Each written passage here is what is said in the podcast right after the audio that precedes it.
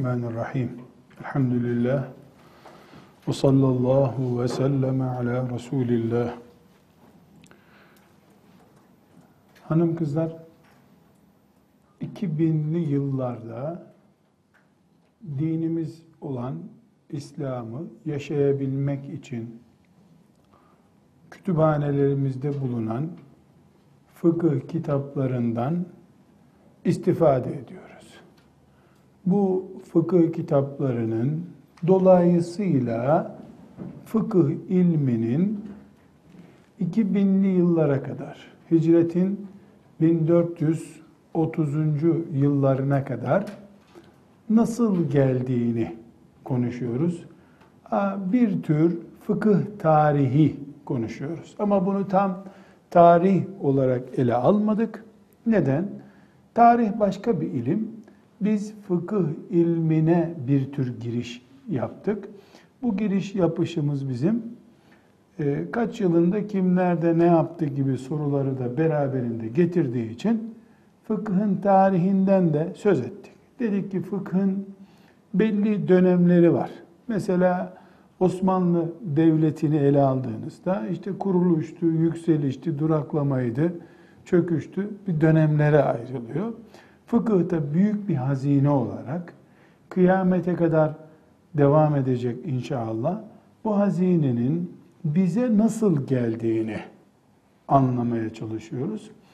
Elbette 300 sene sonra inşallah fıkıh ilmiyle ilgili günün birinde böyle bir salonda, bir mescitte, bir yerde bir ders yapan talebeler inşallah fıkhın basamaklarından biri olarak da işte fıkıh hicretin 1410. senesinde, 20. senesinde şu durumdaydı da İstanbul'da e, hilafet bile bulunmadığı halde 50-60 tane genç kız kendisini fıkha, ilme feda ettiler.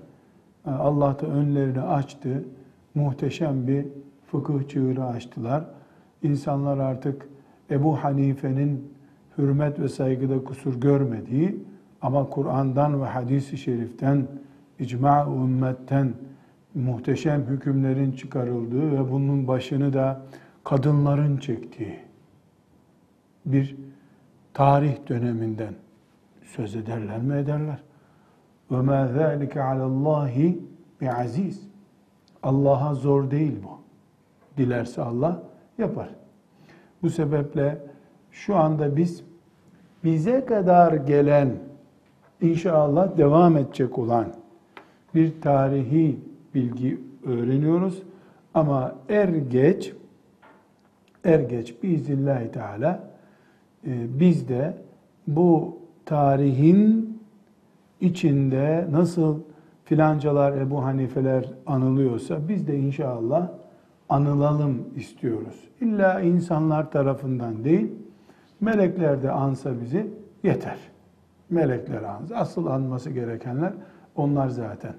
Şimdi dedik ki e, fıkhın tarihinden söz edecek olursak önce Resulullah sallallahu aleyhi ve selleme Hıra'da vahyin gelmesinin başlangıç alınması gerekiyor. Vahiy geldiği gün fıkıhta başladı demektir. Çünkü fıkıh İslam'ın yaşanan şeklidir. O dönem nasıldı bunu konuştuk. Sonra Raşid halifeler dönemi yani ashab-ı kiram dönemi diye bir dönemden söz ettik. Ee, Resulullah sallallahu aleyhi ve sellemin vefatından Ali bin Ebi Talip radıyallahu anh'ın vefatına kadar olan dönemdir dedik. Sonra tabi'in döneminden söz ettik. Tabi'in dönemi de yine ashab-ı kiram dönemine benzer bir dönemdir dedik. Ondan sonra fıkıh e, imamları dönemi e, geldi karşımıza. E, yani tabiinden sonra tebeut tabiin e, dönemini konuştuk. E, bu fıkıh imamlarının e, Allah onlardan razı olsun döneminin 350'li yıllara kadar ulaştığını söyledik. Ama fıkıh imamları dönemi derken şu anda bildiğimiz dört büyük fıkıh imamını kastetmiyoruz. Onların da içinde bulunduğu büyük bir fıkıh heyecanının yaşandığı. Onlarca Ebu Hanife, onlarca Malik bin Enes'in, Ahmet bin Hanbel'in e, kitaplar yazdığı, e, mescitlerde büyük ilmi faaliyetler yaptığı, medreselerin kurulduğu bir dönemdir dedik. Dördüncü dönem. 350 bu rakamlar e, neyin rakamları? Hicri rakamlar. 350'den itibaren e, bugüne kadar ki gelen dönemde fıkhın beşinci dönemidir. Yani Ebu Hanife'den sonraki ya Ebu Hanife'nin o yükseliş döneminden sonraki ona altın çağ da diyebiliriz deyim yerindeyse. Yani fıkhın altın gibi olduğu, e, herkesin fakih olmak için gayret ettiği, yarıştığı dönem 350'de bitti. Ondan sonra 350'den hemen hemen bin senelik bugüne kadar gelen bir dönem söz konusu. Bin, binden de fazla işte yani bir bin e, senelik bir dönemden söz ediyoruz. Bu dönem e, nasıl e, tabi'in dönemine bir isim vermiştik, sonra imamlar dönemi, fıkhın altın çağı dedik. Bu dönemde beşinci dönemi fıkhın yani günümüze kadar 350'den 1430'lu yıllara kadar olan dönem fıkhın e, duraklama dönemidir. Eğer e, fıkhı bir ilim, bir meslek gibi kabul edeceksek bu dönemi duraklama dönemi olarak kabul etmemiz gerekiyor. Çünkü bu dönemde bu sözünü ettiğimiz bu 1100 seneye yakın zaman içerisinde e, bir Ebu Hanife çıkmadı. Malik bin Enes çıkmadı. Ahmet bin Hanbel çıkmadı. Muhammed bin İdris çıkmadı. Evet, büyük alimler, e, yani göz kamaştıran Nevevi gibi, e, İbn Hacer gibi çok muhteşem eserler bırakan büyük alimler çıktı bu beşinci dönemde. Ama bu alimler bir defa kendileri biz Ebu Hanife'nin, Muhammed bin İdris'in talebesi bile değiliz dediler kendileri. Ee, yani Ebu Hanife bir ekol olacak kadar büyüktü. İmam Şafii ekol olacak kadar ki oldu, büyüktü. Ama bu bin küsür sene zaman zarfında e, İmam Şafii yanlış söylemiştir. Doğrusu böyledir. Diyecek biri çıkmadı. Diyen de itibar edilir bir adam olmadı. Yani diyen oldu tabi. Hafız değil, Arapça bilmiyor, e, doğru dürüst tefsir okumamış, hatta e, Türkçe yazmayı bile bilmeyip çıkıp yanlış söylemiş onlar aslı böyledir bunun diyen uçuklar çıktı ama ümmeti Muhammed onları alıp doğru söylüyorsunuz demedi. Ebu Hanife'yi ümmet bağrına bastı. Muhammed bin İdris Şafii'yi bağrına bastı ümmet. Ama onları işte kendi iki üç tane e, arkadaşı e, çok iyi söylüyorsun diye pop popladılar. O kadar. Bu sebeple bu bin yıllık zaman zarfında, bin yıldan da aşkın, e, kaliteli imam olacak bir insan yetişmedi. Fakat burada e, dipnot olarak mı, kenarında bir e, haşiye gibi mi koyacaksınız? Çok özellikle vurguluyorum. Bu dönemde İzz ibn Abdüsselam gibi birisi var aslında. Bu dönemde Suyuti gibi birisi var, Nevevi gibi birisi var ama bunlar hepsi sorulduğunda Şafii mezhebindeniz diyorlar. Ne demek Şafii mezhebindeniz? Yani ben İmam Şafii'nin e, talebesi olacak durumdayım diyor. Ben İbni, İzz İbni Abdüsselam'a şahsım olarak baktığımda bir insan bu kadar alim olur diye düşünüyorum. bir Suyuti'ye baktığımda eh pes bundan fazlası olmaz diye düşünüyorum ama o kendisini bir defa İmam Şafii'nin talebesinin talebesinin talebesi olarak görüyor. İleride fıkıh kitaplarında göreceksiniz e, büyük imamlara, Ebu Hanifelere mutlak müçtehit deniyor. Mutlak müçtehit. Mutlak müçtehit, mutlak kelimesini daha önce kullanmıştık hatırlıyorsunuz, genel demek. Yani genel müçtehit, e, bir bağlanmışlığı, bir taraftan sınırlanmışlığı yok. Bu sözünü ettiğimiz Neveviler, İbni Hacerler, İzz ibn Abdüsselamlar mezhep içi müçtehittirler. Henüz müstakilliği yok. Yani kendi başına İslam'ın her konusunda bir İmam Malik gibi sözünü söyleyebilecek ve peşinden gidilebilecek nitelikleri yok. E, zamanları mı uygun olmadı buna? Ömürleri mi yetmedi? Ayrı bir konu.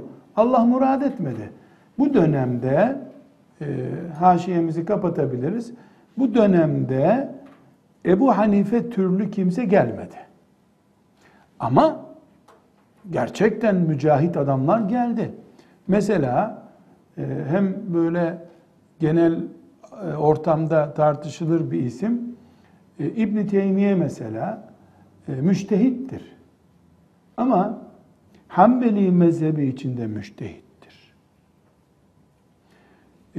Yaşadığı ortam, gösterdiği refleksler şu veya bu sebepten dolayı mutlak bir müçtehit düzeyinde e, görülmemiştir ittifakla. Evet, İbn Teymiye hayran olup yok canım ashab-ı kiramdan sonra onun eşi benzeri yok diyen de var ama e, böyle üç tane talebesinin ya da kitaplarını okuyup etkilenen birisinin böyle demesi başka bir şey.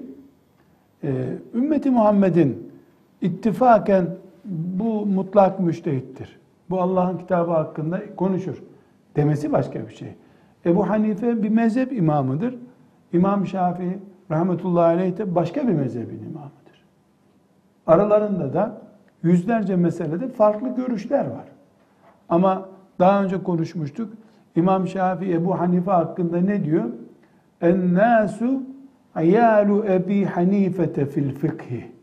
İnsanlar fıkıh konusunda Ebu Hanife'nin çolukları, çocukları durumundadırlar. Yani çığırı o açmıştır diyor. Ee, ona muhalef olan, onun görüşlerini bile benimsemeyen bir başka müştehit büyüklüğünü kabul ediyor. E, Ebu Hanife'nin e, en büyük talebesi olan İmam Muhammed veya en büyük ikinci talebesi olan İmam Muhammed e, İmam Malik'ten ders okuyor. E, İmam Şafii İmam Muhammed'den ders okuyor. Böyle aralarında ne var? Gel gitler. İmam Şafii Ahmet bin Hanbel'in hocası. Aynı zamanda talebesi. Bakıyorsun ki bunlar birbirlerinin üstünlüklerini, faziletlerini kabul ediyorlar. Bir ilim alışverişi böyle ilim borsası kurmuşlar adeta. Allah onlardan razı olsun. Ama daha sonraki dönemlerde e, bu çapta bir alim görmüyoruz diyoruz. Bu çapta kelimesini vurgulayarak söylüyorum. Yani Ebu Hanife yok. Yoksa muhteşem adamlar var. Yani e, ilmi e, yüzlerce sene insanlara yetecek ağırlıkta alimler var. Ama mesela e, büyük muhaddislerden e, ismi aşılamayacak İbn Hacer. Gerçekten büyük alim. Belki hadis literatüründe Ebu Hanife'den de daha fazla bilgiye sahip olabilir. Muhtemel ki öyledir de. Öyle olduğunu zannediyorum. Ama e, Ebu Hanife sadece hadis açısından test edilmiyor. Hadis var, Kur'an var, fıkıh var, e, diğer e, bilgilere muttali olmak var. Bu toplamda ölçüldüğünde mutlak müştehit düzeyinde kimse çıkmıyor. Neyi konuşuyoruz? Ee, beşinci dönemde fıkhın neden durakladığını konuşuyoruz. Burada e, hanım kızlarım e, bir şeyi anlarken, bir tarihi incelerken tek başına incelenmesi mümkün değil. Fıkı konuşabilmek için 350'de 350, 450, 550, 650, 950, 1050 doğru gidiyoruz böyle. Şimdi bu rakamların hangi dönemi yaşadığını bilmemiz lazım. Şimdi Ebu Hanife'nin, e, İmam Malik'in, bilhassa bu ikisinin dönemi İslam'ın hızlı bir şekilde rüzgar gibi doğuya doğru yayıldığı dönemdir. Hatta batıya yayılıp Endülüs'te devlet olma dönemidir. Şimdi İslam'ı her ay bir ülkeyi fethediyor. Bir şehri İslamlaştırıyor döneminde düşünün. Bir de fetih yok, canını kurtarmaya çalışıyor. Her gün bir kale düşüyor. Öyle bir dönem düşünün. Bu iki dönemde yetişecek insanların hangi ortamda yetiştiğini incelediğimizde elbette ordular bir gidiyor ki İran fethedilmiş. Bir gidiyor Azerbaycan geçmiş. Bir gidiyor Özbekistan'a girilmiş. Gidiyor öyle dünyanın Çin'e kadar ulaşmış ordular. E gelen bu ne demek? Fethedilen yer mesela bugün İslam 500 bin nüfuslu bir yer. Bir sene sonra 1 milyon oluyor. İki sene sonra 4 milyon oluyor. Bunlar hep doğurarak insanların çocuk sahibi olarak büyümüyor nüfus. Ne oluyor? 300 bin, 500 bin nüfuslu bir ülke, şehir İslam'a katılıyor. Onlar tıpkı ashab-ı kiram gibi sıfır bir heyecanla İslam'a sarılıyorlar. Oradaki çok zeki çocuklar, zeki insanlar kendilerini İslam'a veriyorlar. Mesela bunun en canlı örneği Ebu Hanife'dir. Ebu Hanife köken itibariyle İran kökenlidir demiştik. İmam Müslim'dir. Nesai'dir. Bunlar bak büyük isimler. Bu isimler hep o fethedilen topraklardan hazır yetişmiş beyin göçü diyebiliriz biz buna. Bu beyin göçü bu tarafa doğru yani İslam tarafına doğru geldiğinde e, İslam da böylece Ebu Hanife adayları bulmuş oluyor. Ama siyaset olarak, devlet olarak İslam en, en iyi ifadeyle kendi sınırlarına mahkum kaldığı zaman mecburen beyin göçü veriyor bu sefer. Şimdi e, sadece konu iyi anlaşılsın diye konuşmak istiyorum yoksa böyle mübarek bir mecliste adı anılacak bir şey olarak gördüğümden değil. Şimdi Amerika e, dünyanın en güçlü teknolojisini, en güçlü e, siyasetini, en güçlü ticaretini yapan bir ülke. İşte uzaya gidiyor, şuraya gidiyor, böyle yapıyor, şu filan. Ortada bir hakikat var. Amerika güçlü. Buna kimse itiraz edemez. Bu güç sadece askeri güç değil. Akıl olarak da güçlü. Fakat ikinci bir hakikat daha var. Mesela Amerika'nın en güçlü birimi neresi? NASA uzay üssü. Derler duyarız yani ne olduğunu bildiğimizden değil. Oradan bütün uzay çalışmaları yapılıyormuş. E şimdi biz mesela bilgisayar kullanıyoruz. Bilgisayar büyük oranda 50'li yıllarda Amerika'nın NASA üstündeki sistemi için kurulmuş. Gelişip gelişip gelişip sonunda böyle çocuk eline düşmüş. E cep telefonu onların filan iletişimi için kurulmuş.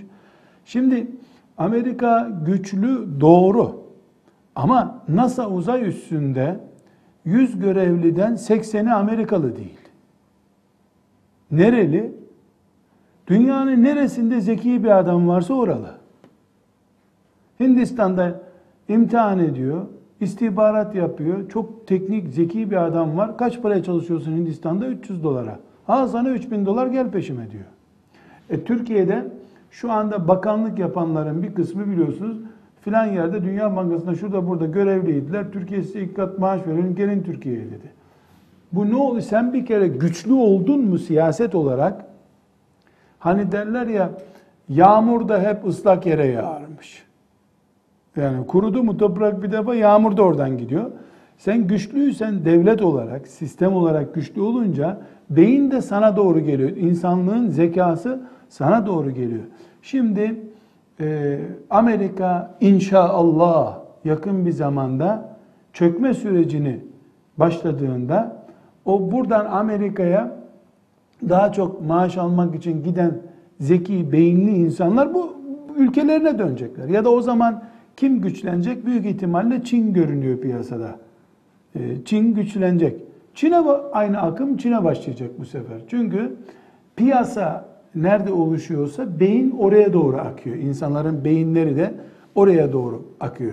Bunu bu konuştuğumuz günlük gerçeği işte İslam'ın e, yükseliş dönemine ve e, duraklama dönemine vurguladığımızda fıkhın neden bir dönem Ebu Hanifeler yetiştirdiği halde daha sonra Ebu Hanifeleri yakalayabilecek bir alim kadrosu yetiştiremedi. Neden yetiştiremedi? Bu sorunun cevabını konuşuyoruz. Burada hanım kızlar e, konumuzla dahil olmamakla beraber çok önemli bir ayrıntı siyaseti olmayan, devleti olmayan, hilafeti olmayan, evrensellik seviyesinde idrak edilemeyen İslam Ebu Hanife yetiştiremez. Bunu söylemek istiyoruz. Ebu Hanife yetişecek olsa zaten mezhepsiz, şucu bucu diye Müslümanlar onu herkesten önce boğarlar. Sahip olacak kimsesi yok çünkü bireysellik ve küçük grupçuluk büyük adam yetişmesini engeller. Birisi çıkıp bütün dünya Müslümanlarının umudu olacak projeler geliştirse, onun etrafında olmayan diğer gruplar onun dinsizliğini bile ispat etmeye kalkarlar. Bu sebeple İslam devlet gücüyle hilafeti yani evrenselliğiyle beraber idrak edildiği zaman Ebu Hanifelik ortam oluşmuş demektir. Şimdi bu girişten sonra 5. dönemin altyapısını tahlil ettiğimizde bakıyoruz ki dördüncü dönemde Ebu Hanifeler, Sevriler hani konuşmuştuk pek yoğun bir şekilde Davud-u Zahiriler büyük bir hamlelerle fık, fıkıh atılımı yaptılar. Yani e, deyim yerinde ise böyle benzetmek için söylüyorum fıkha uzay çağı yaşa, yaşattılar. Allah onlara rahmet eylesin. Sonra birdenbire fıkhın bu yükselişinin yerine mezhepçilik, mezhepler, bir mezhebe bağlı olmak oturdu. 350'den sonra bugünlere kadar da Müslümanlar Hanefi mezhebini, Maliki mezhebini ve diğer mezheplerini yaşattılar ya da enerjileri, güçleri ancak Ebu Hanife'nin mezhebini yaşatmaya yeterli oldu. Dediğim gibi büyük bir adam yetişmemişti. Yetişecek olsa da zaten kendi mahallesinde boğulacağı bir ortam söz konusu idi. Hala da öyle. Şimdi 350'den sonra neden e, Hanefi mezhebi, Maliki mezhebi dediğimiz bu sonunda dört mezhebe kilitlendi bu tabi. Bu dört mezhepte neden daralma oldu? Neden bunlar aşılamadı? Bunun ana sebepleri şunlardır. Birincisi 350'den itibaren e, Bağdat ki ilim merkeziydi. E, Ebu Hanife'nin, İmam Şafii'nin zamanında ee, bugün dünyanın hiçbir e, şehriyle ölçülemeyecek kadar büyük bir yükselişle ilim adına Bağdat e, göklere yükselmiş bir şehirdi. Yani insanların ekmeği, peyniri gibi, ekmekleri, peynirleri gibi e, kitapları vardı.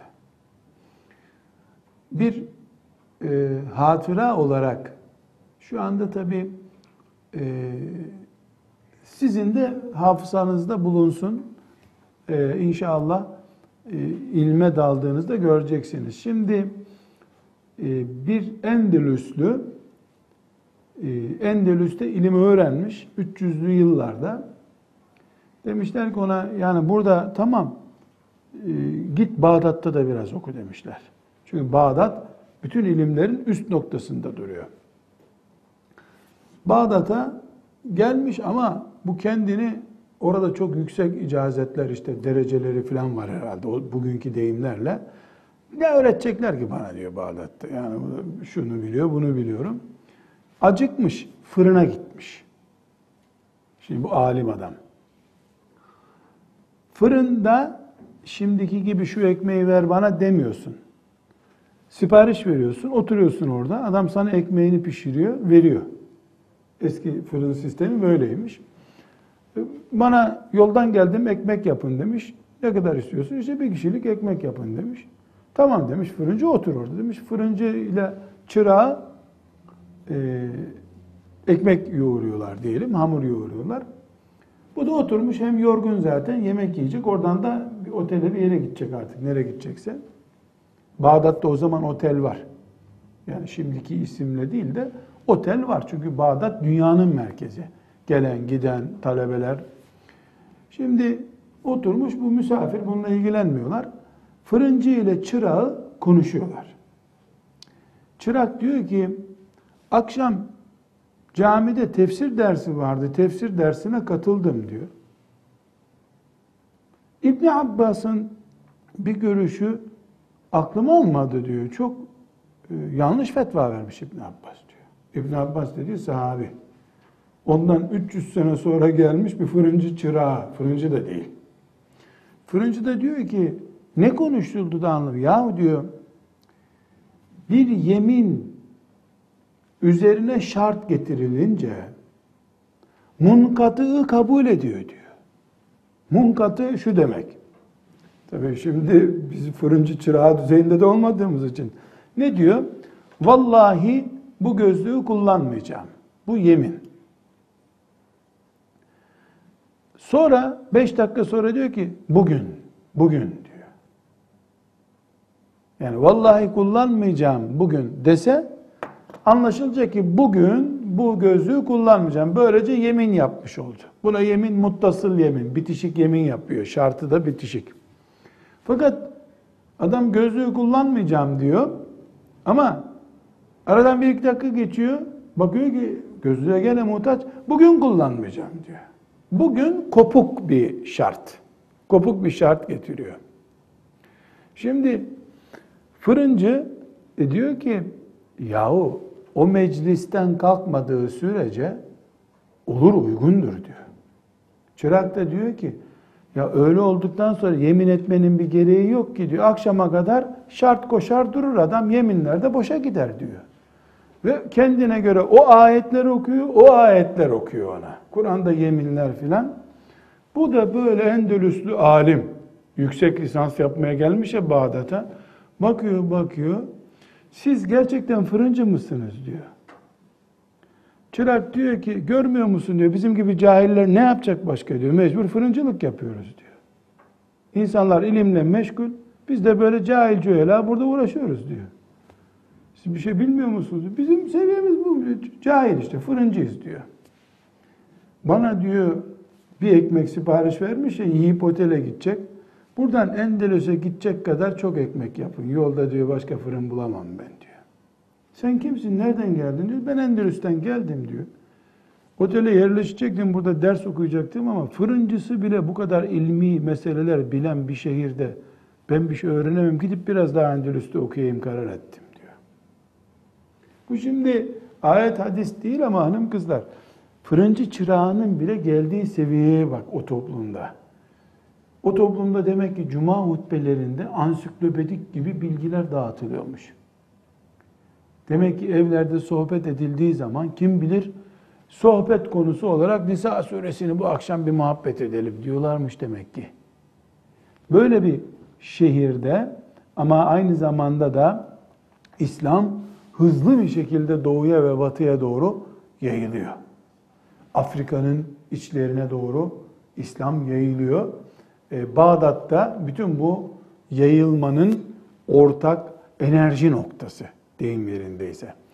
Bu hareketlenme Bağdat'ta hilafetin sona ermesiyle beraber duraklıyor mecburen.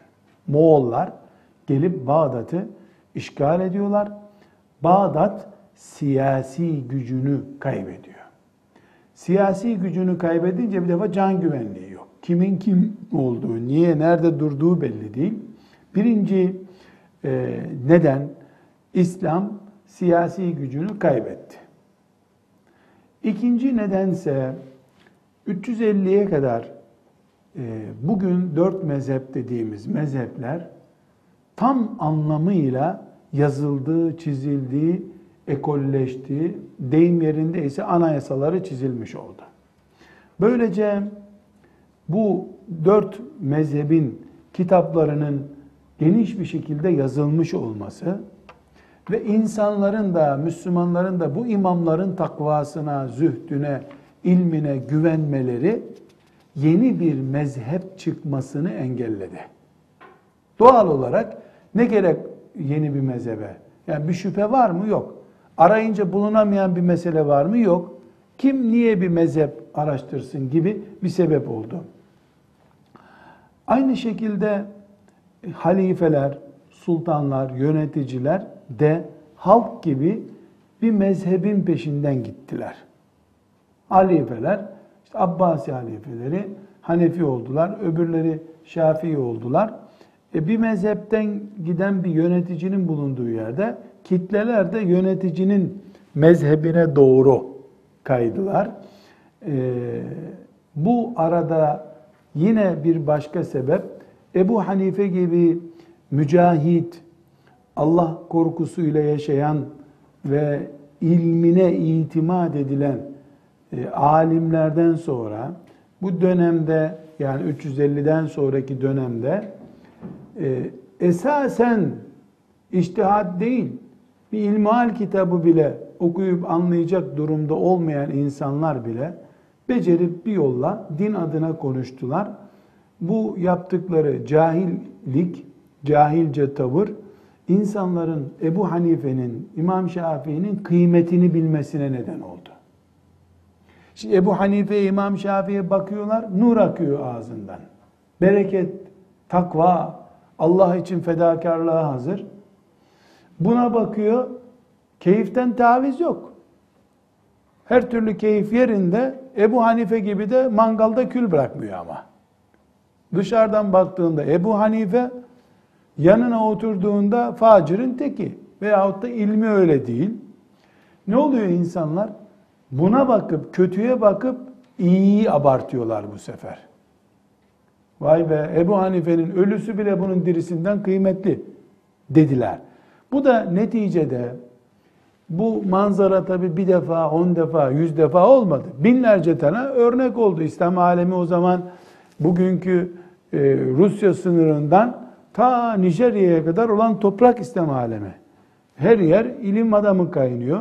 Bu yanlış örnekler doğru örneklerin değerini artırdı bu sefer. Neye benziyor biliyor musunuz? Mesela bu gözlüğün yenisi piyasada var, daha iyisi de var diye bilsem ben bu düşünce hiç önemsemem bile bunu. Yenisi ucuz zaten. Ama bu benim kullandığım gözlük üretilmiyor. Servise gidince de bir hafta, iki hafta sonra bir daha geri gelecek. Bilsem bunu çok dikkatli yere koyarım. Çünkü yenisi yok.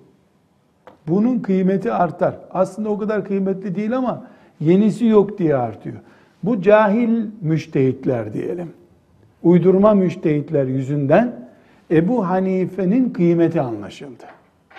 Elbette Allah böyle murad etti ama biz zahiren ne oldu bitti de mezhepler kökleşti onu konuşuyoruz. Şimdi neticede 350'den e, sonra e, insanlar bir Ebu Hanife arama yerine e, Ebu Hanife'nin kıymetini bilme yarışına girdiler. Bunun bir miktar abartıldığını da yer yer abartıldığını da konuşursak neden mezhep kavramının kökleştiğini, insanların Müslüman olmak kadar değerli bir Hanefi olmak veya Şafii olmak düşüncesine gidebildiklerini, gittiklerini demiyorum, herkes için geçerli bir değil. Cahil bir insan e, düşünebilir. E, yahu Hanefi olmayanlar da Müslüman mı acaba? Bu cahillikten başka bir şey değil eğer hainlik değilse. İslam, İslam'dır. Bunun bir daha e, Hanefisi, şusu busu olmaz. E, her halükarda bu nedenle 350'den sonra bu saydığımız 3-4 nedenden dolayı ciddi bir mezhepçilik ortaya çıktı. Buna mezhep taassubu denir. Taassup. Bu mezhep taassubunun e, temel nedenini söyledim. Bundan kaynaklandı. E, mezhep taassubuna biz karşı mıyız? Elbette karşıyız.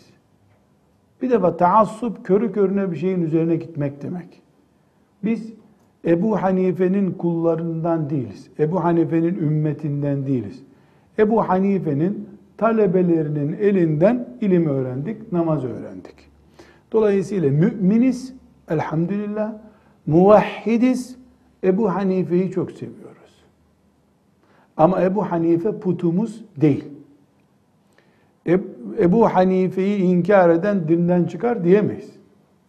Ama Ebu Hanife'mizle eğlenen, onun e, Allah yolundaki gayretlerini, ilimdeki makamını e, sarsmak isteyenin de en azından en azından ahlakından şüphe ederiz. Başka bir şeyinden şüphe etmeyeceksek eğer. Ahlakından şüphe ederiz. Neden? Bir defa dinin bugüne kadar gelmesi için can vermiş, zindanlara girmiş bir insana karşı vefa gerekir. Bu vefayı yapmamak bir defa onun açısından bir ahlak düşüklüğüdür deriz. Bundan tereddüt etmeyiz. Bu e, taassup yani mezheplerle kendini daraltmış olma görmenin e, halk açısından ayıplanacak bir tarafı olmadığını ben şahsen düşünüyorum. Neden? İnsanlar namazı kimden öğrendilerse ondan olur. Ne bilsin adam İmam Malik'in hadis delili daha güçlü. Ahmet bin Hanbel'in müsnedinden 30 küsür bin hadisten gidip hadis mi arayacak köyde tarlanın kenarında adam? Halkın ne öğretildiyse onu. Eğer e, böyle tenkit edilecek bir taassup, körü körüne e, mücadele etme gibi bir şey tenkit edilecekse insanları medreselerde boş işlerle meşgul edip müştehit yetiştirmeyen e, bunu bilerek yaptılarsa insanları e, 3-4 imamın peşinde tutan insanlar belki bundan mesul olurlar eğer ortada bir mesuliyet olacaksa. Bu taassup beraberinde taklit dediğimiz bir sonuç getirdi. İnsanlar taklide yölde, yöneltildiler. Taklit yaparak din yaşamaya başladılar. Biraz önce söyledim yapacakları bir şey de yoktu insanların. Yani Ebu Hanife gibi, İmam Yusuf gibi, İmam Muhammed gibi insan yetişmiyor ki ne yapsınlar? İnsanlar taklit ettiler. Fıkıhta taklidin e, bir sakıncası yok. E, ama e, imanda insan kör taklit yapmaz elbette. Kur'an ve Resulullah sallallahu aleyhi ve sellemin hadis-i şerifleri taklit edilir. İnsan taklit edilmez. Ama fıkıhta yapılacak zaten bir şey yok. Herkesin müştehit olmasını beklemek mümkün değil. E, müştehit olan Allah'ın o makamlara yükselttiği kullarının e, peşinden gidecek Müslümanlar. Gittiler de. Fakat bu taklidin ve taassubun yani taassup ne ediyoruz? Bir mezheple kilitlenip kalma. Taklit de onun bir açılımı olarak kullanılacak bir kelime. Önündekine bakarak yapma, önündekine bakarak yapma. Kendisi bir şey geliştirmiyor. Burada e, doğal olarak 350'den bugünlere kadar e, içtihat ilminin köreltildiğini yani artık müçtehit iştihad edecek müçtehidin yetişmesine ihtiyaç bile hissedilmediğini görüyoruz bu dönemde. Nasıl olsa işler iyi. Ee, akşam e, fetvayı soracak hoca efendi buluyorlar, alimler bulunuyor. Biraz da olaylar bir müştehidin ihtiyaç hissedileceği ya da müştehidimiz olsaydı denecek çapta olaylar değil. E, teknoloji asrıyla beraber ya da Avrupa'nın hayat tarzını Müslümanlara da e, enjekte edip de Müslümanların da Avrupalılar gibi yaşamaya başladığı son 200 seneden beri ise keşke bir müştehit olsa da bu sorulara cevap verse. Sigortasından şu işlemine kadar, kredi kartına kadar keşke bir müştehidimiz olsa denen bir arayış içerisine girildi ama neticede bin sene içinde bir müçtehit arayışı olmadı kimsenin. Müçtehit yetişmesi için yatırım da yapılmadı. Hatta e, bir müştehit lafı kullanan birisi olduğunda onunla savaşıldı bile. Mücadele edildi. Mesela iştihat kapısı kapatılmıştır diye kesin böyle bir cümlede kullanılır oldu. Hala kullanılıyor. Yani bu sembolik bir kapı. Yoksa bir cami kapısı gibi bir kapı değil. Yani iştihat kapısı kapatılmıştır demek ihtiyaç çok iştihat etmeye demek. Bir kere iştihat korsan bir şekilde açıldıysa iyi ki kapattılar bunu. O zaman Ebu Hanife de korsan iş yaptı demektir. İştihat kapısını Allah ve peygamberi açtıysa kullarına ki öyle o zaman Allah kapattım diye bir talimat göndermesi lazımdı. Allah'ın açtığını kullar nasıl kapatırlar? Bu cümle kesinlikle doğru değil. Ama şu doğru. Bu kapıdan girecek adamı kalmadı Müslümanların. Doğrusu budur. İştihat kapısının şifrelerini bilen adam yok. Kapandı kelimesi bir irade beyanını gösteriyor. Yani biz açmıştık, biz kapattık demek oluyor. Böyle bir şey olamaz ki. Allah'ın açtığını kul nasıl kapatacak? Ama bu kapı açık, kimse girmiyor buradan. Ya da girecek ehliyetleri yok. Böyle denebilir. Bizim iyi itikadımız şudur. Muaz bin Cebel'e e, iştihad etmeye ruhsat verdi. Aleyhissalatü vesselam Efendimiz ashab-ı kiram iştihad ettiler. Bu ümmette fıkıhta iştihat vardır. Bu iştihat Ebu Hanife döneminde zirvede yapılmıştır. Daha sonraki dönemlerde şahsiyet zafiyetleri, fedakarlığında Ebu Hanife'nin seviyesine ulaşamayanlar, ilimde Muhammed bin İdris'in seviyesine ulaşamayanlar iştihat yapamadılar. Aradan asırlar asırlar geçe geçe iştihat zor, yapılamaz şey haline geldi. Bu bir daha yapılmayacak anlamına asla gelmez.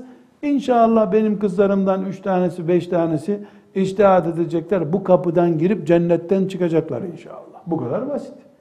Ama elbette bu öyle bir vakıfta enstitü kurup, fıkıh araştırmaları enstitüsü kurup, o araştırmalarda da işte haftada iki saat ders yaparak dört sene sonra da müştehitler öyle e, çocuk oyunu oynamıyoruz burada. Ebecilik oynamıyoruz. En azından Ebu Hanife kadar kırbaç yiyeceksin. Hangi tür kırbaç? Uykuyu santimle uyuyacaksın. Cep telefonuyla konuşurken hesabını bileceksin. Artık neyse muktezası, alim olmanın, müştehit olmanın, onların hakkını verene canlar kurban olsun. İstediği kadar iştihad etsin. E, kapatmıştık biz bunu nereden girdin deyince sen kim oluyorsun ki kapatıyorsun denir. Sen kimsin de kapıyı kapattın? Sen mi açmıştın da şimdi kapatıyorsun? Deriz. Bu dönemde taklit yani e, taassup sahibi olup bir mezhebi taklit etmenin ortaya çıkardığı yanlış sonuçlardan biri de önceki dönemlerde olmayan boş münazaralar, tartışmalardır. İpe sapa gelmez. Hiç kıyamete kadar kimseye faydası olmayacak konusu, konularda ciltler dolusu kitaplar yazılmış. E, bu sebeple fıkıhta hayali şeylerin konuşulduğu bir ilim durumuna düşmüş. Bu bir yanlıştı. E, bu yanlışa şimdi de hala Müslümanlar devam ediyorlar. Hiç kendisini 50 sene, 100 sene daha yaşasa ilgilendirmeyecek konuda soru üstüne soru soruyor Müslüman. Bu bir vakit zayiatıdır. Bu bir israftır. Enerji israfıdır, ilim israfıdır, e, gelecek israfıdır.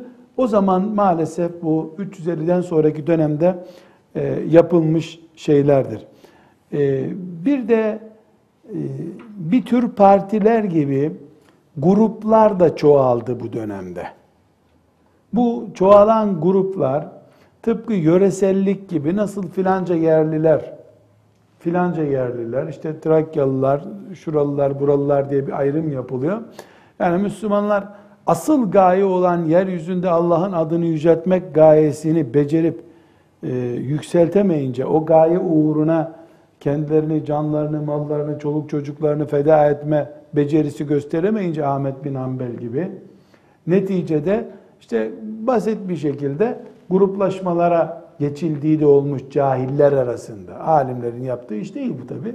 Cahiller arasında ama bu Müslümanlara mal olmuş. Müslümanlara mal olunca e, ortaya bir gruplaşma çıktı. Bu gruplaşmada mezhepçiliğin, taklitçiliğin, taassubun körel, e, kökleşmesine neden oldu.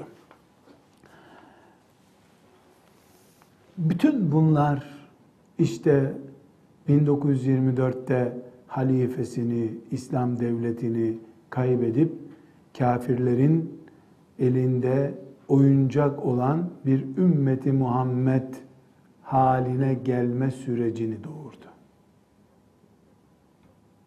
Hani anlatılır ya Sultan Fatih rahmetullahi aleyhi ve gaferallahu leh e, İstanbul'u fethedeceği zaman papazlar da oturmuş melekler dişi midir erkek midir diye onu tartışıyorlarmış. Kapıda Ulubatlı Hasanları görünce Leventleri görünce Allah Allah bunlar melek de değil nereden geldiler diye melek. Şehirleri Fatih'in eline düşüyor. Onlar hala melekler dişi midir erkek midir onu konuşuyorlar. Bunun bir çeşidi maalesef Müslümanların Avrupa'nın e, ve Rusya'nın, Çarlığın bunca büyük e, vahim planları gözlerinin önünde oynandığı halde Müslümanlar oturup o durumda ne yapacaklarını konuşacakları halde şu mezhebin şu görüşü ne manaya geliyor, bu mezhebin bu görüşü ne manaya geliyor diye iç hayallerle, faraziyatla meşgul oldular. Neticede de başımıza bütün bunlar geldi. Şu andaki durumu siz de görüyorsunuz zaten. Ee, geldiğimiz noktada bir e, kökleşmiş taassup, kökleşmiş taklit vardır. Bu taklidin ve taassubun bir boyutunu gerekli görüyoruz. Ama Allahu Teala'nın şeriatına rağmen, Kur'an'a rağmen taassup, hadisi şeriflere rağmen taklit, Ebu Hanife ile hiç ilgisi olmadığı halde Ebu Hanife'nin ismini kullanarak Seraksi'nin, e, San'ani'nin, şunun, bunun müdevvenenin ismini kullanarak yapılan taklit ve taassubu da reddederiz. Ebu Hanife imamımızdır. Şafii imamımızdır. Ama elimizde oyuncak değildirler. Böyle görürüz. Bugünkü durumu da değerlendirirsek eğer, beşinci dönem bugüne kadar gelen dönemdir dedik. Şimdi hanım kızlar, bugün e, gerek Türkiye'de ve gerekse Arap aleminde ve Arap aleminden daha büyük bir nüfusa sahip olan Asya ülkelerinde Hindistan, Pakistan, Bangladeş gibi e, o ülkelerde ki nüfus itibariyle Arap aleminden çok daha büyüktür. E, asla basite alınamayacak çok ciddi fıkıh çalışmaları vardır. Bilhassa Hindistan'da bizzat ben de gözlerimle gördüm. Yani imrenilecek çok muhteşem bir fıkıh çalışması yapılıyor. Ee, gitgide de daha planlı, daha kaliteli çalışmalar yapılıyor. Arap aleminde de e, hakikaten 150 sene önce o çalışmalar yapılsaydı şimdi belki de daha muhteşem sonuçlar alacaktık. O denecek çapta çalışmalar yapılıyor. Enstitüler var, kuruluşlar var. Ama derli toplu olarak e, Arap alemindeki şeriat fakültelerinde fıkıh dersleri okutuluyor. Planlı, programlı olarak şeriat fakültelerinde. Hindistan, Pakistan'da e, medreseler var. Yakın döneme kadar Türkiye'de de çok güzel medreseler vardı. Son 10 sene içinde e, ilahiyat fakültelerinin çok seri bir şekilde şu anda yüzden fazla ilahiyat fakültesi olduğu söyleniyor. Kurulması üzerine az çok mürekkep yalayabilecek herkes fakültelere geçti. Fakültelerde fıkıh okutulduğu kadar okutulacak. E, bir de sizin gibi böyle kendisini kimsenin olmadığı yerde Ebu Hanife'nin peşinden ben gideceğim diyen, Resulullah'ın sünnetini ben anlayacağım diyen işte bireysel çalışmalar var. E, artı bir ilave daha yapacak olursak fıkhın genel çatısı olabilecek şekilde fıkıh e, konseyi de var. Bir e, Suudi Arabistan kökenli e, denebilecek fıkıh konseyi var. Bu fıkıh konseyinde e, toplanıp son konular, işte acil konular e, epey bir miktarda ve 50-60 konuda e, bir sene, iki sene çalışıp İslam aleminde fıkıhta zirveye çıkmış isimlerle yürütülen bir çalışma o. E, sonuçlar çıkıyor. Genelde biz e, bunu hürmet ve saygıyla karşılıyoruz. Çünkü e, daha ötesi, daha ilerisi olmayan bir çalışma bu. Bu konseyin yaptığı çalışmalar yayınlanıyor. O çalışmaları fıkıhla ilgilenen herkes izliyor. Çünkü hazır malzeme orada. O konseyin verdiği kararlar ışık tutuyor. Burada bizim açımızdan bir umut olarak e, değerlendireceksek eğer ilahiyat fakültelerindeki çalışmaları e, elbette e, ne yapalım elimizdeki bu elhamdülillah diyeceğimiz bir çalışma olarak görüyoruz. Ama ilahiyat fakültelerinin psikolojik durumu ve oradaki programın genel görüntüsü bir Ebu Hanife veya İmam Şafii tarzında bir insanın yetişeceği bir yer olarak gözümüzü doldurmuyor. Ebu Hanife değil, İbn Hanife'ye bile razıyız. Yeter ki bir şey yetişse. Ama e, önüne konmuş bir diploma ve kısır bir hedef, e, şu iş, bu iş gibi çalışmalar. Mesela en basitinden e, iyi bir İngilizce bilmeden herhangi bir e, fıkıh konusunda uzmanlaşamayacağına inanılıyor hala. Bu bir bakış tarzı, bir psikolojik e, anlayış tarzı. Bu sebeple inşallah oranın da bereketini görürüz diye umut ediyoruz. Ama bu ümmetin kat edeceği çok uzun mesafeler var. Önümüzde çalışma yapacağımız çok alan var. Fıkıh bunlardan bir tanesidir. E, bu alanda bayanlar daha önce konuştuğumuz gibi çok ciddi bir şekilde saha dışına kalmışlardır. Oturup Müslümanların erkeğiyle, bayanıyla neler yapabileceğimizi yeniden konuşmamız gerekiyor.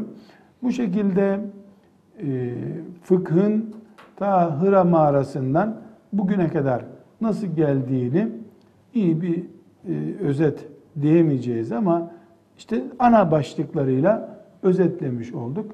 Bugünkü noktaya geldik. E, biraz önceki duamı tekrar ediyorum.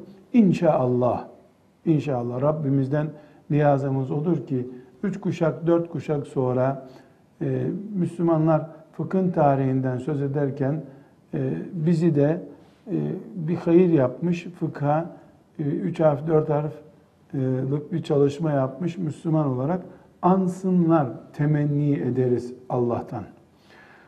Ve sallallahu ve sellem ala seyyidina Muhammed ve ala alihi ve sahbihi ecma'in velhamdülillahi rabbil alemin.